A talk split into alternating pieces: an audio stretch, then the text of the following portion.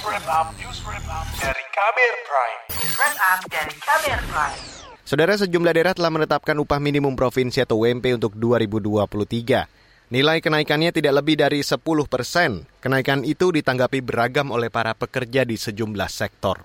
Berikut saya hadirkan laporan KAS KBR yang disusun jurnalis Siti Sadida Hafsyah. Para gubernur di sejumlah provinsi di Indonesia telah menetapkan upah minimum provinsi atau UMP untuk tahun depan.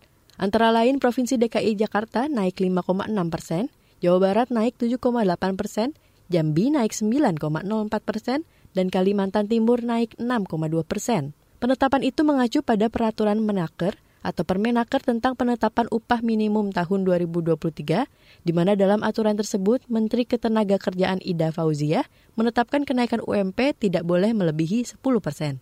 Tetapi Sekretaris Jenderal Federasi Buruh Lintas Pabrik atau FBLP Dian Septi menilai kenaikan UMP belum sesuai harapan para buruh. Ketika UMP-nya saja rendah, maka kemudian untuk naik menuju upah layak itu semakin lebih sulit. Jadi jangan kemudian mengkontradiksikan antara UMP atau upah minimum provinsi dengan upah layak. Jadi kita menolak dan kita ingin upah yang sesuai dengan kebutuhan real. Kalau saat ini dari teman-teman buruh itu kan 13 persen ya. Tapi sebenarnya kalau berdasarkan upah real harusnya bisa lebih dari 13 persen. Tapi itu sudah menjadi kesepakatan kami, maka kemudian kami menuntutnya di sana.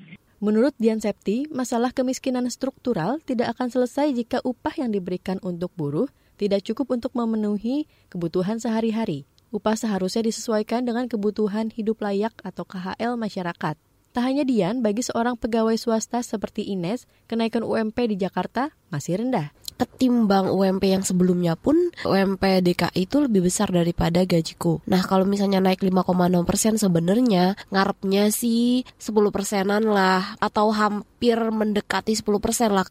Padahal menurut Ines, tak semua perusahaan langsung menyesuaikan pendapatan para pekerjanya sesuai perkembangan UMP. Kalau terkait dengan kebutuhan sehari-hari, sekarang tuh mulai berasanya gaji yang sekarang aja kayak pas-pasan banget untuk memenuhi semua kebutuhan rumah, makan, cicilan dan lain sebagainya. Agak worry sama resesi di 2023 di mana ada kemungkinan barang-barang jadi makin mahal apalagi kebutuhan sehari-hari yang krusial gitu kan. Meski kenaikan UMP saat ini masih dirasa kurang, Ines berharap pengusaha patuh dengan pemerintah Menurutnya penetapan UMP DKI Jakarta sudah bisa menjadi jalan tengah antara kebutuhan pekerja dan pengusaha. Pekerja pabrik garmen di Sukabumi, Jawa Barat turut merespon kenaikan UMP. Salah satunya Muhammad Reviana. Kata dia, kenaikan UMP tidak serta-merta menambah pendapatan buruh. Di perusahaan yang aku tempatin sekarang mah emang udah paten gitu nggak bisa naik gaji sama sekali. Kecuali emang pemerintahnya yang naikin. Jadi kayak setitik harapan aja gitu seneng lah gaji akhirnya naik juga. Tapi kan di perusahaan ini tetap aja walaupun udah ditetapin sama pemprov soal kenaikan UMK paling naiknya dikit gitu loh cuman kayak 44 ribu. Dan si uang ini tuh baru turun bulan Mei jadi dirapel dari Januari si uang 44 ribu itu. Namun bagi Andika Ari Maulana, pegawai salah satu perusahaan rintisan atau startup di Jakarta, kenaikan UMP bakal memberi tekanan pada perusahaan rintisan. Karena saya di HRD, jadi ada di dua sisi lah ya. Kalau sisi employee mungkin lebih ya enak lah ya gajinya pasti naik gitu dari sisi inflasinya. Cuma kalau dari sisi manajemen pastinya akan rumit soalnya pas lagi winter pack gini kan lagi banyak yang di layoff, terus restructure organisasi, terus juga investor kan sekarang pengennya perusahaan itu profitable gitu bukan yang bakar uang. Nah kondisi kayak gini pastinya kan dari sisi